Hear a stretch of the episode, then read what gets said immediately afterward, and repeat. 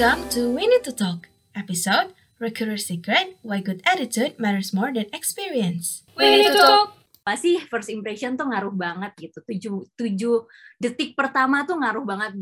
Humble tapi jangan lupa untuk jual diri.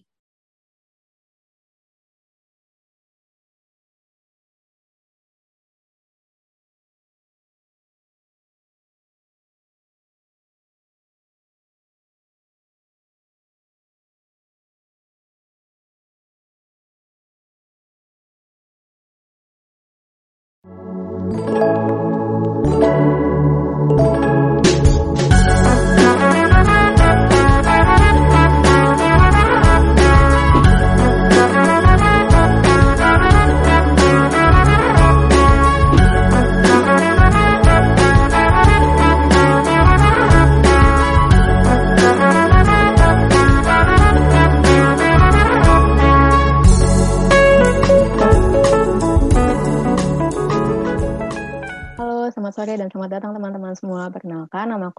Selaku admin HR intern di Lingkaran yang akan menjadi moderator pada kelas hari ini. Dan tentunya aku akan ditemani sama Kak Dina M. Putri, selaku co-founder dari Mau Belajar Apa, yang akan menjadi pembicara pada kelas Why a Good Attitude Matter More Than Experience. Boleh nih Kak Dina untuk say hi terlebih dahulu dan memperkenalkan diri lebih lanjut. Halo semuanya, thank you udah datang hari weekend-weekend juga. Hai Devina, salam kenal. Kayak yang tadi Devina udah sebut, uh, Manda juga udah sebut. Nama aku Duina, uh, sekarang aku salah satu tim dari Mau Belajar Apa sebagai CEO sama salah satu co-founder juga dari Mau Belajar Apa.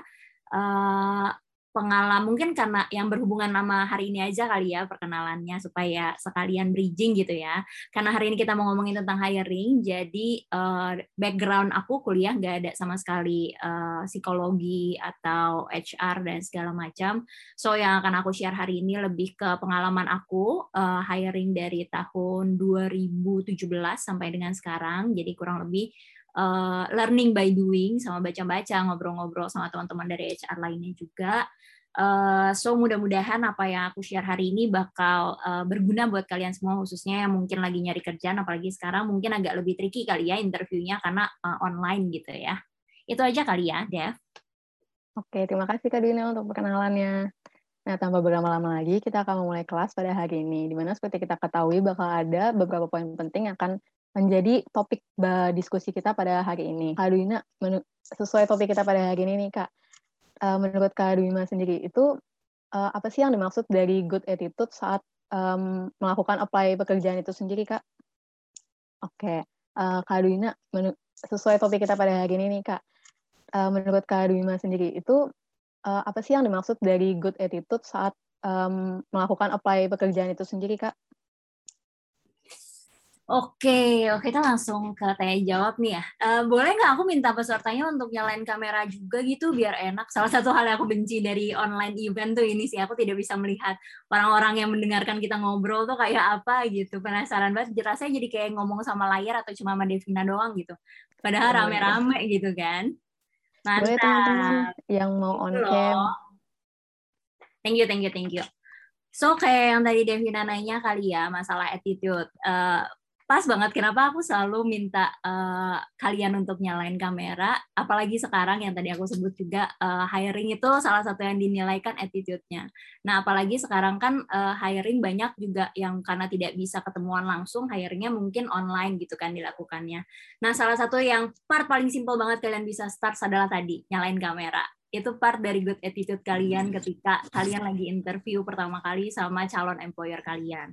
Karena kadang tuh uh, buat kita yang nge-hire uh, kita lebih merhatiin dari sebenarnya ini sama aja ketika kalian uh, hiring eh ketika kalian interview tapi offline gitu.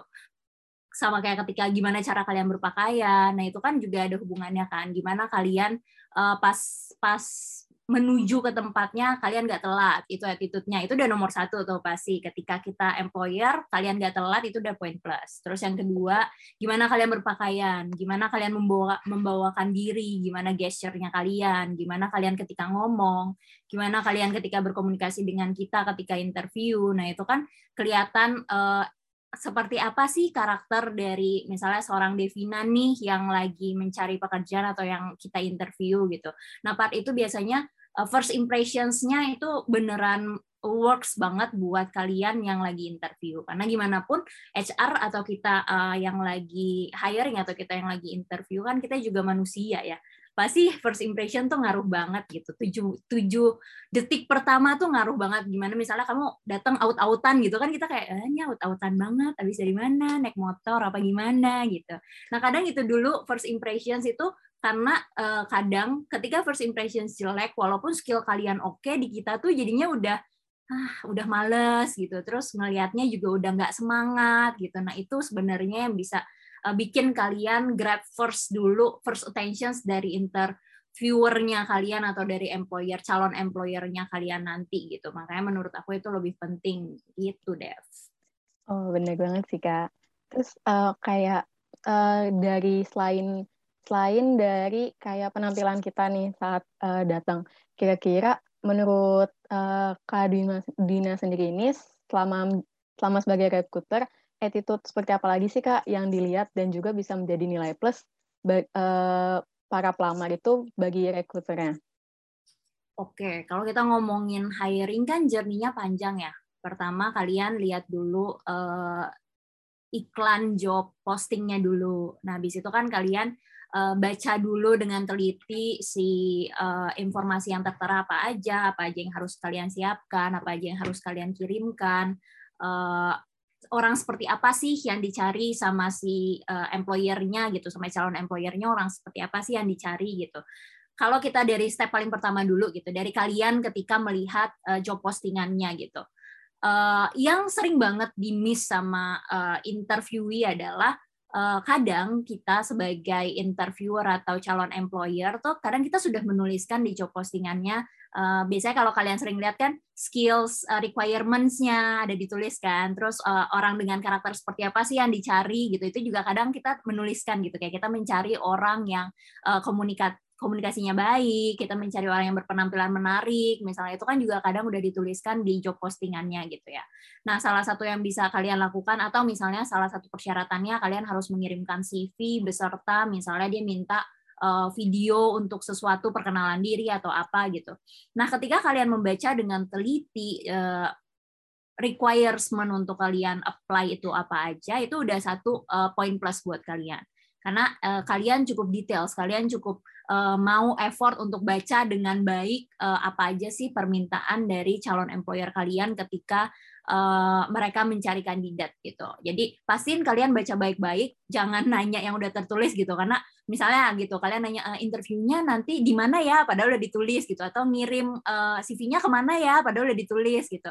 Nah part itu juga kadang jadi uh, poin plus minus juga nih ketika uh, kita sebagai calon uh, employer-nya untuk menilai kalian. Itu satu dari job postingannya. Nah, stepnya setelah kalian lihat job postingannya apa sih? Yang tadi aku bilang, lihat mereka minta kiriminnya apa aja. Misalnya mereka CV sama video gitu. Nah, pasti jangan ngirim CV doang karena dia minta video gitu kan. Nah, make sure beneran kamu ngikutin uh, permintaan dari si calon employer ini mereka untuk uh, kalian apply memerlukan persyaratannya apa aja gitu. Satu. Terus dua, nggak usah kirim bareng sama eh, file-file yang nggak perlu gitu. Kayak misalnya uh, kalian bisa lihat uh, company yang kalian mau hire kayak apa. Sekarang uh, semua udah ada di Google gitu. Kalian bisa lihat tipe company-nya seperti apa. Mungkin untuk beberapa company yang uh, konvensional atau company yang besar banget gitu, mereka kadang masih salah satu requirement-nya mengirimkan uh, ijazah, mengirimkan uh, nilai-nilai kuliah gitu. Kadang masih ada gitu kan. Tapi kadang kan ada beberapa company apalagi sekarang startup gitu. Kadang mereka udah nggak lihat ijazah atau nilai-nilai kuliah lagi gitu. Kalau misalnya memang kalian ketika mencari tahu mengenai uh, company ini mereka tidak memerlukan itu nggak usah dikirimin gitu. Cukup kirimkan apa yang memang mereka minta aja gitu. Nah, habis itu ketika mengirimkan CV ini juga part dari first impressions kita calon employer karena banyak banget. Walaupun uh, informasi mengenai cara pengiriman CV yang baik dan benar tuh udah ada banget di uh, internet gitu banyak banget bertebaran. Tapi aku tuh masih menemukan banyak banget yang ngirim CV-nya aja masih salah.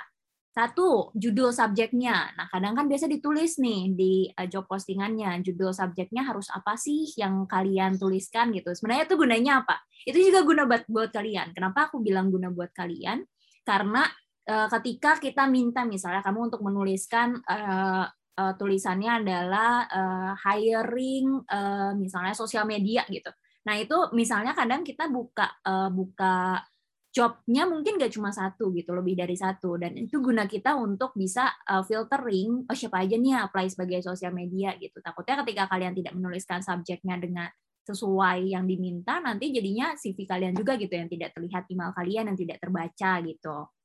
Subjek, make sure itu benar banget uh, kalian mengikuti ketentuan yang dimintanya. Terus yang kedua, body email ini sama kayak ketika kalian hiring, eh ketika kalian interview offline gitu. Nggak mungkin dong kalian datang ujuk-ujuk ke resepsionis cuman naruh CV terus cabut gitu. Enggak kan? Nah ini sama aja ketika sekarang di dunia online gitu. Ketika kalian eh, mengirimkan CV, pastiin kalian nulis body email dan body emailnya eh, satu formal, jangan yang kayak ngobrol sama teman walaupun mungkin sebenarnya kalian apply ke situ karena rekomendasi dari teman apalagi rekomendasi. Sebenarnya itu bahaya banget gitu karena kalian bawa nama orang gitu.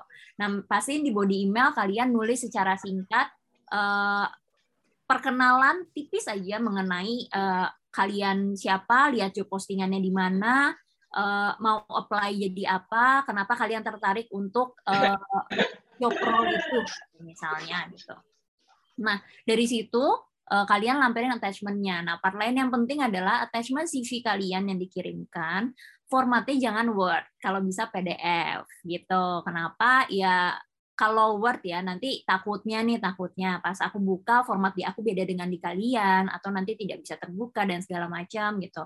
Nah, makanya pastiin kalian mengirimkan formatnya dalam bentuk PDF. Itu udah step 2 nih. Nah, nextnya ketika interview misalnya kalian dipanggil, oh oke okay, kamu dipanggil uh, untuk interview pertama nih ketemu sama uh, eh, HR-nya dulu. Nah, ketika kalian interview, kalau misalnya interviewnya offline ya sudah biasa lah ya, kalian berpenampilan menarik, jangan telat, yang rapi, pembawaannya bagus gitu. Nah, ketika interviewnya online kan agak sedikit tricky nih. Kadang tidak berasa uh, vibe-nya nih antara aku sama Devina misalnya uh, vibe-nya aku nggak berasa nih karena kayak ya digital aja aku cuma lihatnya ke layar gitu kan. Nah, salah satu trik yang kalian bisa pakai ketika kalian interview online adalah nyalain uh, inter eh nyalain internet sorry nyalain kameranya gitu supaya aku tahu aku lagi ngobrol sama siapa gitu. Dan kalau bisa walaupun interview online kalian tetap rapi tetap uh, dandan gitu buat yang cewek-cewek gitu buat yang cowok-cowok juga rambutnya dirapihin gitu. Terus pakai bajunya jangan baju tidur langsung interview gitu. Nah kalian juga make sure walaupun online kalian tetap menghargai si calon employernya kalian. Terus sama walaupun online jangan misalnya interviewnya jam 3 gitu, kalian masuknya jam 3 lewat 1, 3 lewat 5, kalian harus memperhitungkan eh, kendala-kendala teknis yang mungkin kalian hadapi sebelumnya gitu. Walaupun mungkin ya nanti akan ada misalnya excuse, eh, oh iya soalnya mendadak mati lampu, lah itu kan force major, beda gitu ya. Namanya kalian harus mempersiapkan hal lainnya untuk kendala teknis gitu. Sama kayak kalau interview offline, kalian kan memperhitungkan lama perjalanannya tuh berapa lama sih supaya kalian nyampenya nggak telat gitu kan. Sama aja ketika online juga gitu. Terus nyalain kameranya terus jangan telat. Terus kalau bisa uh, siapin internetnya beneran kalau misalnya memang di rumahnya internetnya jelek gitu. Effort dikit hari itu aja kalau memang misalnya kalian beneran uh, pengen banget kerja gitu atau pengen banget kerja di company itu hari itu aja uh, melipir dikit ke satu tempat yang memang menurut kalian oh ini internetnya oke okay dan sepi jadi kalian bisa interview di situ gitu. Atau numpang di rumah tetangga gitu atau di rumah teman gitu ya. Mungkin internetnya lebih stabil kayak paling paling interview berapa menit sih 15 30 menit juga udah selesai gitu. Nah, itu salah satu effort yang bisa jadi oh oke okay, eh, orang ini niat gitu paling tidak kita lihat kalau uh, dia niat untuk interview sama kita. Nah, abisnya ya tinggal mengenai gimana kalian jawab pertanyaannya, terus gimana kalian uh, berterima kasihnya ketika sudah selesai interview gitu. Nah, salah satu gesture, little gesture yang menurut aku uh, bisa ninggalin impressions yang bagus adalah misalnya ketika kalian selesai interview uh, apa ya kayak ambil waktu untuk uh, kontak balik ke yang kontak kalian mau itu lewat WhatsApp misalnya kalian dikontak lewat WhatsApp atau lewat email cuma bilang terima kasih untuk waktunya uh, mudah-mudahan uh, kamu bisa lanjut ke tahap selanjutnya gitu misalnya. Nah itu jadi kamu akan diingat gitu kayak misalnya aku selesai interview Devina terus Devina uh, ngirim WhatsApp gitu ke aku atau ngirim email gitu ke aku. Terus aku kayak Devina tadi yang mana ya? Oh yang itu gitu. Aku jadi inget-inget lagi gitu kan. Jadi kayak oh iya aku ingat Devina yang itu gitu. Oh oke okay nih uh, masih email. Oh oke okay, ngomongnya gitu. Aku jadi mengingat-ingat kamu lagi gitu ya. Itu jadi uh, jatuhnya kasarnya nih ini salah satu cara untuk kamu membuat si HR ini atau si calon employer kamu ini untuk terus memikirkan kamu gitu walaupun interviewnya udah selesai gitu. Karena tanpa disadari itu akan sedikit mempengaruhi uh, emosional dari si calon employer atau HR-nya juga gitu sih Dev. Panjang ya? Lumayan kak. Banyak banget yang didapetin. Uh, terus nih kak. Uh, kan tadi kita kayak lebih membahas kayak uh, banyak kesalahan-kesalahan yang biasa terjadi nih kalau misalkan kita ngelamar kerja. Kalau kira-kira dari uh, Kak Dina sendiri nih, misalkan sebagai rekruter, apa aja sih kayak hal-hal uh, esensial gitu yang di, yang dilihat sama rekruter dari uh, pelamar kerjanya itu sendiri? Oke, okay uh, untuk background itu pasti kita cek banget nih. Untuk dari kita rekruter, kita pasti ngecek background cek kalian lah. Itu selalu kita lakukan. Sama seperti uh, ketika kalian mau apply ke satu company juga kan kalian pasti background cek kan. Company-nya seperti apa sih, uh, kategori bidangnya apa sih, uh, kayak gimana sih uh, employee-nya di dalam situ gitu. Siapa aja sih orang-orangnya, siapa aja sih bosnya kalian misalnya. Nah, kadang kan kalian juga melakukan background check itu. Nah, sama seperti uh, employee ini, kita employer pun ketika kita hiring, kita juga uh, background check kalian gitu supaya tahu oh si Devina ini siapa ya, uh, sekolahnya dari mana, lulusan dari mana. Mungkin kita nggak yang spesifik mencari tahu uh, IPK-nya berapa mungkin beberapa company tidak tidak memperhitungkan gitu gitu walaupun mungkin ada beberapa company yang masih uh, memperhitungkan IPK gitu ketika mereka mencari pegawai gitu. Nah, itu salah satu background check-nya gitu. Punya pengalaman kerja di mana aja, uh, terus CV-nya update apa enggak. Ini juga part penting. Kadang kalian suka uh, mungkin karena merasa ya kalian juga lagi nyari kerjaan gitu. Jadi kalian uh, me menyebar CV ke mana-mana gitu. Nggak ada yang salah dengan kalian menyebar CV gitu. Bagus cuma tolong effort sedikitnya adalah kalian menyesuaikan CV kalian dengan yang kalian uh, role yang kalian apply di company tersebut gitu. Kenapa aku bilang harus menyesuaikan gitu? Karena kalau misalnya CV kalian isinya ya ya template aja ini bagian dari supaya CV kalian bisa stand out gitu dibandingkan kandidat yang lain gitu kalau misalnya uh, kalian mau apply role-nya sebagai misalnya apa ya uh, sosial media gitu. Kenapa sosial media? Kayaknya soalnya sekarang semua orang lagi nyari sosial media ya. Misalnya kalian mau apply jadi sosial media uh, tim atau admin atau spesialis gitu. Nah, walaupun misalnya kalian background-nya tidak ada Eh, mengenai marketing misalnya tidak ada bukan dari background marketing gitu atau misalnya kalian belum punya pengalaman sebagai sosial media spesialis gitu sebelumnya.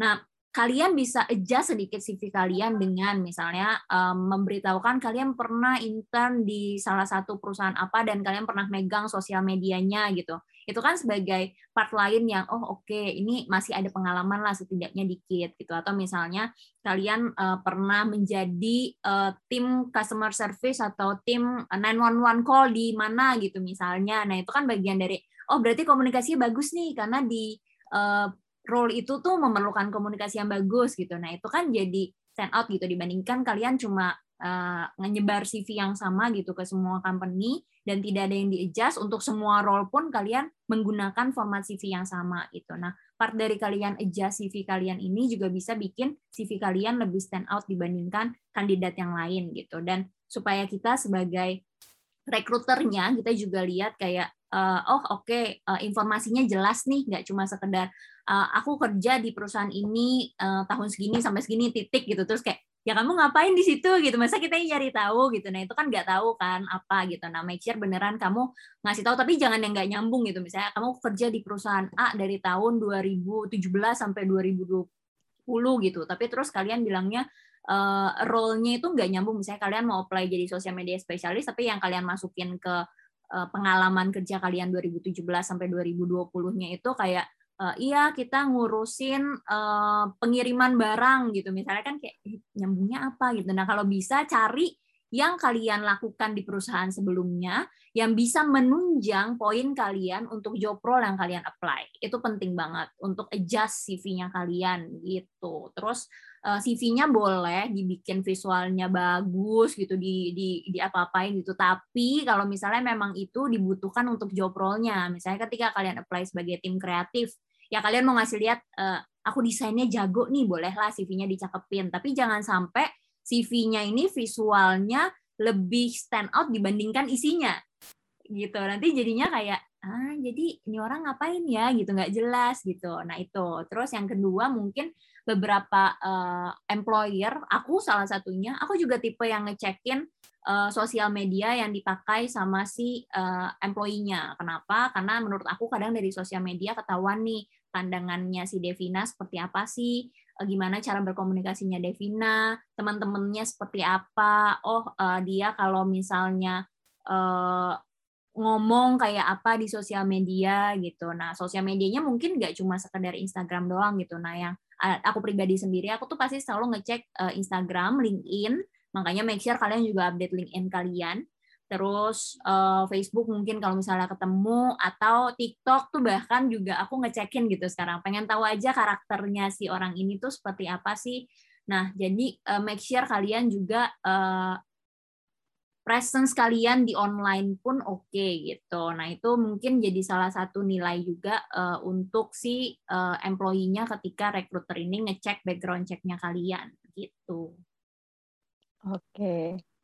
Um, selanjutnya nih kak, mungkin um, kayak kalau misalkan uh, tadi kan Kak Dina nih membahas kalau misalkan kayak dilihat dari pengalaman-pengalaman kita. Nah, kalau misalkan kita nih kayak uh, kita masih mahasiswa atau misalkan uh, fresh graduate nih, kita masih minim banget pengalaman.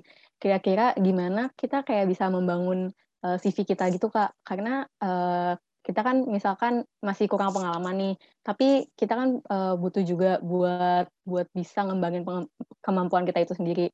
Kira-kira gimana uh, dalam kita membangun CV tersebut agar kita bisa kayak menjual profil kita walaupun kita sebenarnya masih minim pengalaman gitu kak? Bisa banget, apalagi nih makanya ketika kalian lagi kuliah penting banget untuk nyari pengalaman dari organisasi. Nah dari situ tuh pengalaman organisasi kalian itu tuh bisa banget dipakai untuk poin plus kalian di CV. Contohnya, misalnya Devina ketika kuliah, Devina pernah ikut uh, kepanitiaan uh, put kampusnya Devina bertindak sebagai uh, ketuanya gitu. Nah dari situ kan ada poin plus nih. Oh Devina ternyata orangnya punya leadership nih karena pernah jadi ketua di salah satu uh, acara kampusnya gitu. Nah, itu bisa jadi poin plus uh, kalian pernah jadi kepanitiaan atau pernah kasarnya ngapain aja di kampus gitu. Misalnya terus bilang, "Kak, saya kupu-kupu gitu, nggak punya uh, kegiatan organisasi atau nggak aktif atau nggak pernah ikut ngapa-ngapain gitu." Uh, ya nggak apa-apa, tapi biasanya kan dari kampus ada program internship tuh, dan kalian kan wajib untuk intern gitu kan. Nah, dari situ kalian bisa bilang, oh kalian interns di company mana dan waktu itu role-nya sebagai apa gitu. Nah, terus pikirkan lagi apa yang kalian lakukan ketika kalian internship situ dan apa yang bisa dijual yang sesuai sama job role yang kalian mau apply. Terus misalnya kalian bilang, oh, oke, okay, tapi aku internship waktu itu dapat company-nya uh, nggak seru kerjanya cuma bikin kopi doang misalnya jadi tidak ada yang dijual gitu ya nggak apa-apa cari lagi misalnya kamu uh, kupu-kupu tapi internshipnya waktu itu kebetulan uh, nggak menarik gitu dan nggak ada yang bisa kamu jual untuk uh, kamu uh, maju ke employer kamu yang baru ini oke okay, pikiran lagi yang lain. Ketika kalian kuliah misalnya ketika ngumpulin tugas kalian suka telat apa enggak gitu? Oh kalian selalu tepat waktu nih pas ngumpulin tugas gitu. Nah itu kalian bisa tuliskan gitu di mungkin nggak usah di CV gitu ya tapi ketika kalian interview gitu kalian bisa menyebutkan salah satu poin plus kalian adalah kamu tidak pernah kamu selalu tepat waktu menepati deadline gitu misalnya. Nah, itu kan bisa yang kamu jual juga sebagai salah satu good attitude yang kamu miliki yang mungkin sesuai dengan job role yang kamu mau apply gitu. Atau misalnya uh, apalagi ya misalnya kalau nggak pernah telat deadline tugas atau misalnya uh, nilainya selalu bagus gitu atau kamu uh, good at research gitu. Nah, itu kan kamu bisa mention juga itu ketika interview gitu. Atau misalnya di, di CV sih harusnya kalau bisa yang nyambung aja sih dari itu pengalaman organisasi atau kalau kalian punya uh, pengalaman interns di company-company gitu. Nah makanya mungkin kalian bisa menyelipkan si uh, good attitude kalian ini atau nilai jual kalian ini di body emailnya gitu menurut aku. Makanya penting banget untuk kalian nulisin body email. Kalau CV make sure beneran yang untuk informasi formal aja yang kalian masukin di CV Oke.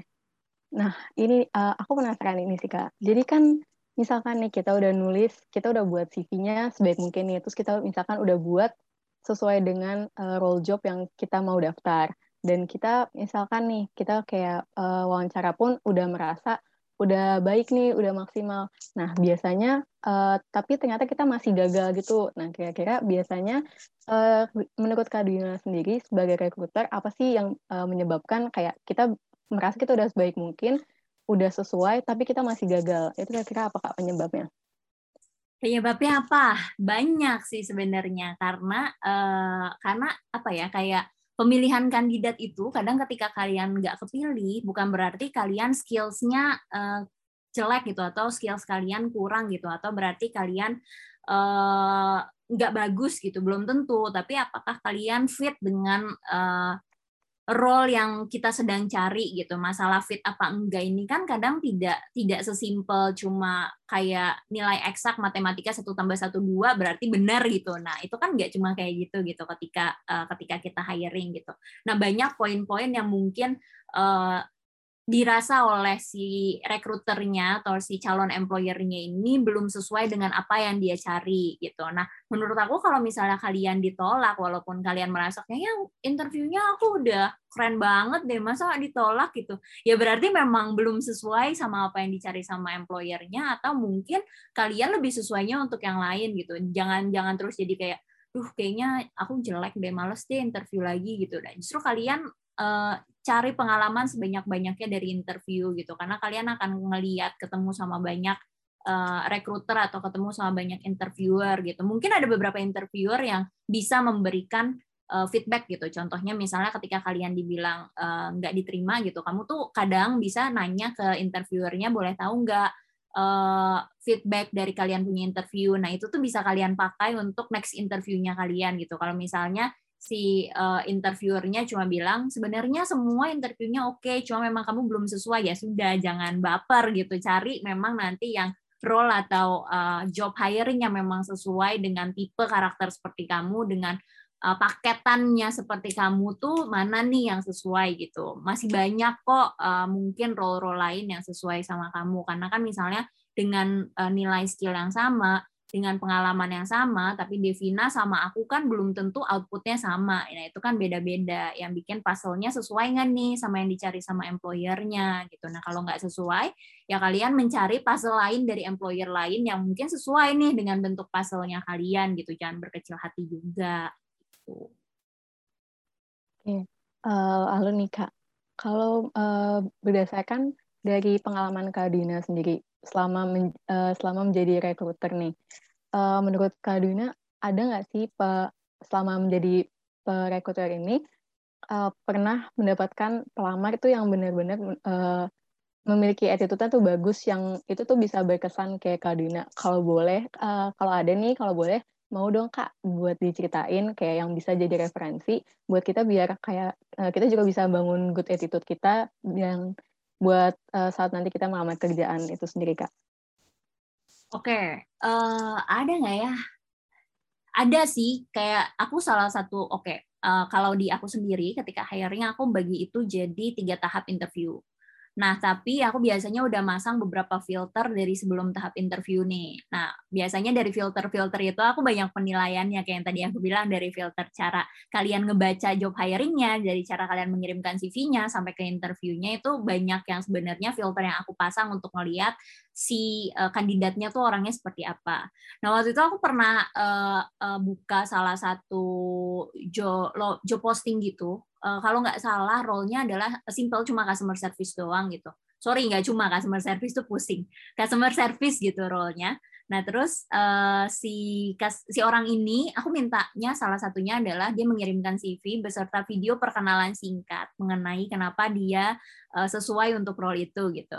Nah Uh, kalau yang lain kan biasa kayak cuma rekam uh, pakai kamera gitu, terus dia uh, ngomong, nah ini nggak boleh lebih dari satu menit gitu. Nah itu sudah dituliskan. Nah ketika kalian mengirimkan satu menit atau lebih tuh, itu berarti kalian tidak baca dengan benar gitu. Nah orang ini dia mengirimkan tidak lebih dari satu menit, tapi terus uh, dia memberikan sedikit extra miles. Dia edit videonya sampai ada skripnya yang uh, kayak ketika dia ngomong, uh, oh oke, okay. dia ngomong kayak halo nama saya siapa, itu tuh angle-nya dari sini gitu. Terus tahu-tahu ada satu kayak kayak scripted dia lagi jalan sambil ngomong. Itu itu lucu banget menurut aku. Dan kreativitasnya menurut aku wow ini effortnya luar biasa ekstra sekali dia gitu. Walaupun misalnya pas aku lihat CV-nya tuh sebenarnya biasa aja. Nggak yang wah eh, bagus pengalamannya gitu. Biasa aja. Cuma karena dia memberikan extra miles gitu aku jadi penasaran oh orangnya kayak apa ya? Extra miles banget nih. Dan dan mungkin uh, itu poin plusnya dia gitu. Dan aku aku mencari orang seperti itu gitu. Makanya aku panggil dia untuk interview gitu. Nah terus pas di interview dia datangnya uh, bahkan kayak waktu itu uh, udah masih masih kurang 10 menit gitu dia udah nunggu di waiting room gitu. Terus gitu masuk sebelum disuruh kayak untuk nyalain kamera dia langsung nyalain kamera.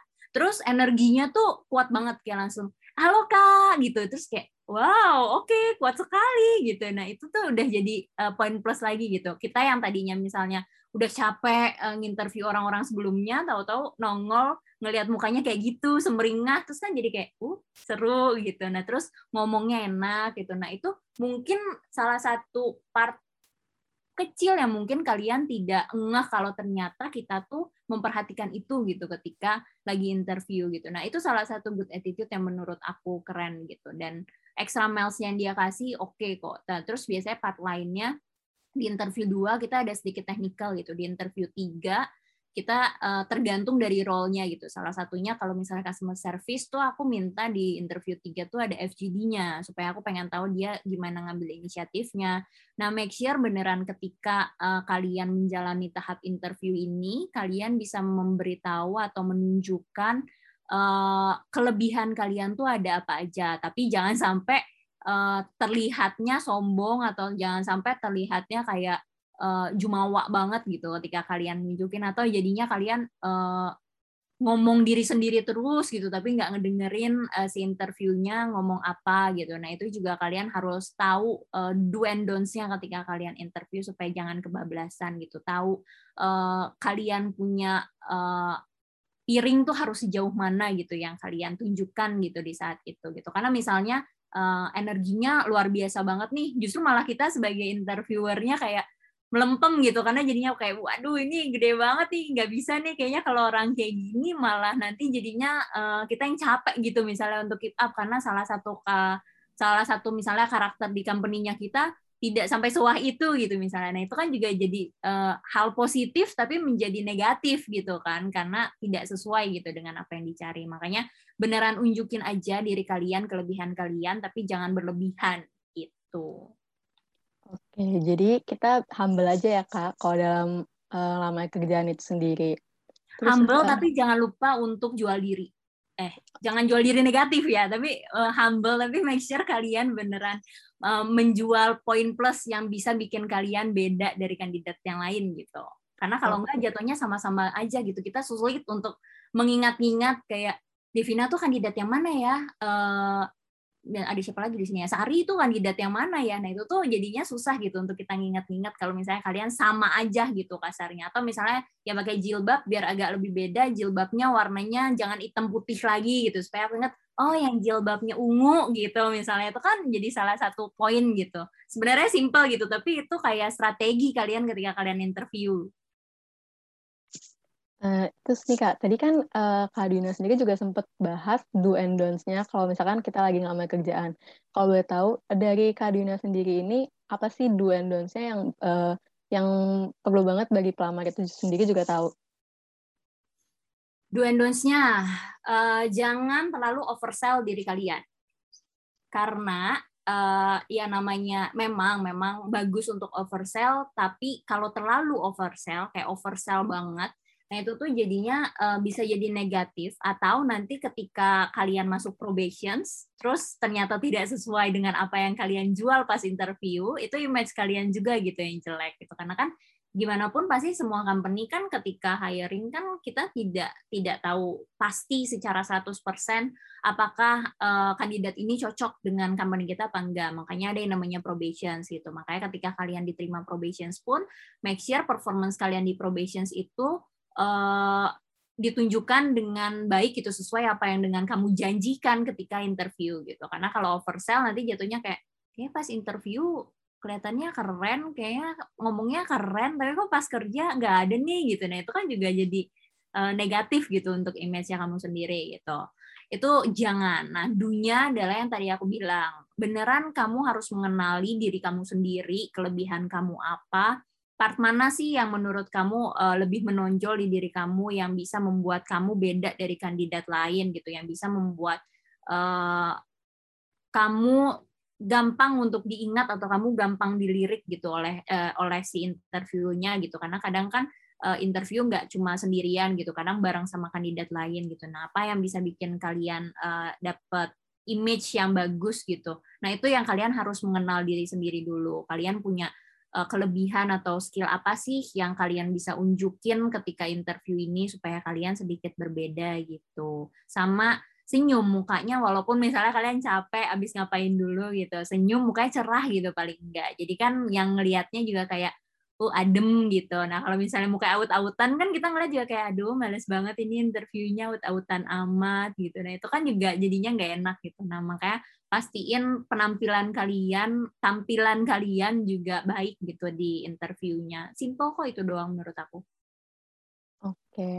Um, lalu nih kak, uh, dari pengalamannya kak Duna sendiri, um, dalam melakukan apply job, mungkin sebelumnya kak Duna uh, misalkan pernah sebelum menjadi co-founder di mau belajar apa pernah uh, apply job di perusahaan lain nih. Nih uh, kalau menurut uh, Kak Dina sendiri apa sih yang bisa dijadikan pelajaran uh, bagi kita terutama dalam uh, melakukan sesi wawancara ataupun dalam membuat uh, membuat CV untuk kita melamar pekerjaan itu sendiri Kak? Cari tahu informasi sebanyak-banyaknya yang kalian bisa lewat internet sebelum kalian apply kerjaan dan sebelum kalian interview. Sebelum kalian apply kerjaan, kenapa? Untuk beneran yakin kalau memang kalian uh, cocok gitu di company itu gitu. Uh, nah, part keduanya kalau dulu mungkin kenapa kalian harus nyari tahu company-nya kadang suka ada company bodong gitu nggak taunya nggak ada company-nya gitu tapi karena kalian nggak background check ujung-ujungnya kalian ketipu gitu misalnya nah atau uh, part lainnya cari tahu sebelum kalian interview karena ini pernah nih kejadian di di aku gitu. Uh, waktu interview gitu terus ditanya uh, menurut kamu mau belajar apa itu apa sih? gitu. Nah terus dia menyebutkan oh mau belajar apa itu? Salah satu anak perusahaan dari dia menyebutkan edutech lain gitu. Terus anak perusahaan dari edutech ini gitu. Terus kayak saya pengen banget jadi uh, gabung dari timnya edutech ini. Terus kita kayak gimana kayak ada yang aneh gitu. Nah itu kan part dari kalian mencari informasi mengenai perusahaan kalian apply ketika interviewnya itu penting banget gitu. Bahkan kalau perlu kalian mencari tahu mengenai uh, misalnya kalau misalnya perusahaan startup kan mudah nih untuk kalian mencari tahu informasi mengenai uh, manajersnya atau directorsnya atau co-foundersnya. Nah itu kan mudah banget gitu. Nah, itu menurut aku penting banget untuk kalian cari tahu informasi sebanyak mungkin sebelum kalian interview gitu supaya ketika interview gitu, kalian kasarnya nih bisa uh, belok-belokin atau nyambung-nyambungin sama apa sih yang kalian suka dari company itu gitu. Ibaratnya nih, sebenarnya aku selalu mengibaratkan interview tuh sama seperti ketika kalian first date sama orang gitu. Karena pas first date kalian pasti mau first impressions-nya bagus gitu dong.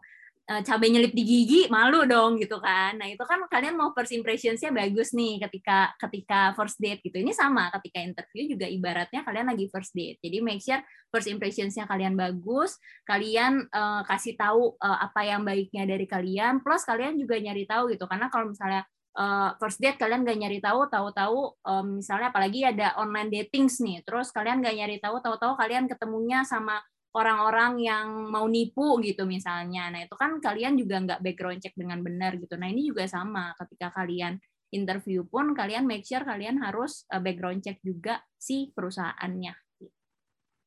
Oke baik. Lalu nih kak, um, kalau dalam dalam apply job uh, dalam CV kita sendiri nih, kira-kira untuk kayak faktor-faktor terpenting apa sih yang dilihat dari recruiters dan juga kira-kira menurut Kak Dina sendiri, apa yang bisa um, kita cantumin? Kalau kan tadi Kak Dina jelasin kalau misalkan uh, untuk menjual diri kita bisa membangun good attitude kita melalui body email nih. Kalau misalkan melalui CV kita sendiri, gimana cara kita membangun good attitude uh, lewat CV kita itu sendiri, Kak? Satu, kasih informasi yang jelas dan update kadang beberapa kalian lupa update CV jadi uh, pengalaman uh, terakhirnya atau atau background terakhir yang kalian tuliskan misalnya udah lama dari tahun 2017 gitu kayak ya terus skill terakhir kalian ngapain? gitu dari 2017 sampai 2020 kalian ngapain aja gitu misalnya kalau pengangguran tapi kalian sempat freelance ya sebutin aja gitu kalian freelance-nya ngapain gitu. Itu lebih penting dibandingin kalian mau mention pengalaman kalian yang sudah jauh banget gitu dan udah nggak relatable gitu dengan sekarang gitu. Update CV kalian benar-benar current atau last experience kalian apa aja itu make sure banget di CV kalian dituliskannya. Udah lalu-lalu walaupun misalnya juara satu lomba uh, renang gitu atau juara satu Asian Games tapi tahun uh, lima tahun yang lalu gitu misalnya gitu. Kan itu kayak udah nggak relate gitu udah kelamaan. Udah lima tahun udah banyak lah yang berubah gitu. Jadi make sure kalian mengupdate CV kalian dari situnya. Terus uh, pastiin CV kalian tidak terlalu banyak Eh, menarik mungkin oke okay, boleh gitu secara visualnya. Tapi jangan jadi terlalu banyak desain-desain yang rame gitu rudet gitu ngelihatnya gitu. Satu. Terus yang kedua lagi uh, pastiin CV kalian dibacanya mudah karena kadang ada yang nulis eh pilih fontnya kekecilan gitu nah kita pas ngelihat CV-nya juga kayak mesti nyurang-nyurang dulu di zoom zoom dulu gitu nah itu kan effort nih itu kalau zaman dulu mungkin di print gitu kelihatannya kok kecil, lihatnya mesti deket-deket gitu. Itu kan susah gitu. Make sure kalian punya font yang kalian pakai di CV-nya. Ukurannya tuh menurut aku ya minimal tuh kayak normal banget font yang masih terbaca. Kalau kalau buat di print tuh 11 12 lah kalau kalian pakai uh, Arial gitu. Eh, eh, eh Arial Times New Roman gitu atau yang paling sering dipakai gitu. 11 tuh paling nggak masih kebaca atau 12 nah mungkin itu kalian make sure si font yang kalian pakai tuh kebaca. Terus jarak spasinya juga jangan yang mepet-mepet gitu ya. Terus kita jadi sebentar ini kalimatnya tadi ngikut yang atas apa yang bawah ya. Nah, itu juga spasi antara poin yang kalian mau highlight, spasi antara uh, hal yang lagi kalian bahas di di di bagian atau kategori itu. Nah, itu juga make sure spasi-spasinya enak gitu kebacanya. Jangan yang rapet-rapet kayak lagi diangkot gitu. Mepet banget supaya hemat gitu jaraknya gitu. Nah kalau bisa itu kan ngaruh ke, ke kita gitu bacanya jadi lebih mudah. Karena kalau misalnya nanti kelewat juga pas bacanya kan kalian juga gitu yang rugi. Padahal sebenarnya kalian mau menyampaikan apa tapi jadi nggak kebaca gitu gara-gara kelewatan bacanya terlalu mepet gitu. Spasinya tuh penting banget. Sama apalagi ya udah sih menurut aku itu aja sih. Oke, terima kasih Kak. Lalu nih Kak, sebelum berlanjut, mungkin kita nanti abis ini langsung lanjut ke sesi berikutnya. Mungkin ada nggak sih Kak tips and trick yang mau Kak Dunia kasih tahu untuk para, uh, terutama para calon calon pelamar, untuk agar bisa uh, mampu bersaing nih uh, dalam lama kerja, terutama di saat pandemi seperti saat ini Kak? Uh, menurut aku satu yang tadi uh, make sure kamu melakukan sedikit effort ketika kalian melamar kerjaan. Uh, salah satunya baca baik-baik apa yang diminta atau requirementnya seperti apa, apa yang harus dikirimkan, uh, terus ketika interviewnya juga uh, kak sebisa mungkin kalian memberikan sedikit extra miles lah untuk supaya kalian dapat jadi top of mind-nya si interviewernya itu lah itu penting banget menurut aku. Dan untuk kalian stand out gitu. Sisanya kalian sendiri yang tahu uh, kenali diri kalian kelebihannya kalian apa poin plus kalian apa uh, yang kalian menurut kalian tuh bisa kalian jual di depan si interviewernya atau di depan rekruternya tuh apa gitu. Nah, ketika kalian tahu poin plus dari diri kalian sendiri atau pengalaman dari kalian yang menurut kalian uh, ngaruh atau bisa jadi bahan pertimbangan kita sebagai recruiters atau employers buat uh, mempertimbangkan kamu lebih, nah itu pastiin juga dimensions gitu. Intinya adalah adjust juga. Jangan jangan malas buat adjust CV kalian sesuai dengan job role yang kalian apply gitu. Jangan sampai uh, aduh yang penting mau gampang lah uh, sebar aja 100 CV ke 100 company gitu. Nah tapi ya mana aja nanti yang nyangkut ya udah gitu ya. Ibaratnya kalian melepas 100 CV ke 100 company tapi bibitnya nggak bagus dibandingin sama kalian nyebar 5 CV ke 5 company tapi yang beneran bagus mana yang leads-nya lebih bisa balik ke kalian gitu. Nah, kan sebenarnya sama aja gitu kayak kayak untuk ketika kalian jualan gitu, ketika kalian mencari kerja kan kasarnya kalian lagi menjual diri nih supaya eh ayo eh, sama aku aja kerjanya gitu kan. Nah, itu kan kalian lagi menawarkan uh, kelebihan yang kalian punya gitu. Jadi make sure uh, dilepasnya juga leads-nya bisa jadi leads yang uh, hot leads lah gitu kasarnya kalau istilahnya anak marketing gitu. Hot leads jangan yang jangan yang nggak jelas pokoknya asal sebar aja gitu. Oke, makasih banyak nih Kak Dwina untuk insight-nya. Banyak banget insight baru yang terutama aku sendiri juga baru dapetin dari diskusi sama Kak Dwina hari ini. Sebelum mengakhiri kelas ini, mungkin Kak Dwina sendiri masih ada uh, kata, uh, kata penutup yang mungkin mau disampaikan? Uh, buat kalian yang lagi nyari kerja atau buat kalian yang uh, sudah bekerja atau lagi nyari-nyari uh, pengalaman baru, good luck untuk apa pun yang kalian uh, sedang lakukan. Mudah-mudahan mendapatkan yang terbaik, mudah-mudahan uh, lancar untuk interviewnya, mudah-mudahan juga uh, berguna uh, sesi kali ini dan kalian bisa mendapatkan sesuatu. Kalau misalnya uh, ada yang belum jelas, feel free banget buat nanya-nanya atau DM-DM aja, uh, connect-connect aja di Instagram boleh atau di LinkedIn boleh. Aku ada tulis nama Instagram sama LinkedIn aku di chat. Uh, Terima kasih semuanya udah hadir. Sampai ketemu lagi. Mudah-mudahan bermanfaat.